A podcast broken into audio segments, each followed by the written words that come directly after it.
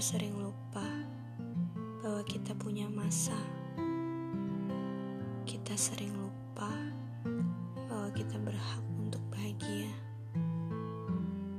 Kita sering lupa sedih, kecewa juga perlu untuk dirasa agar suatu hari kita berbalik melihat semuanya dan bangga kita sudah melewatinya. thank you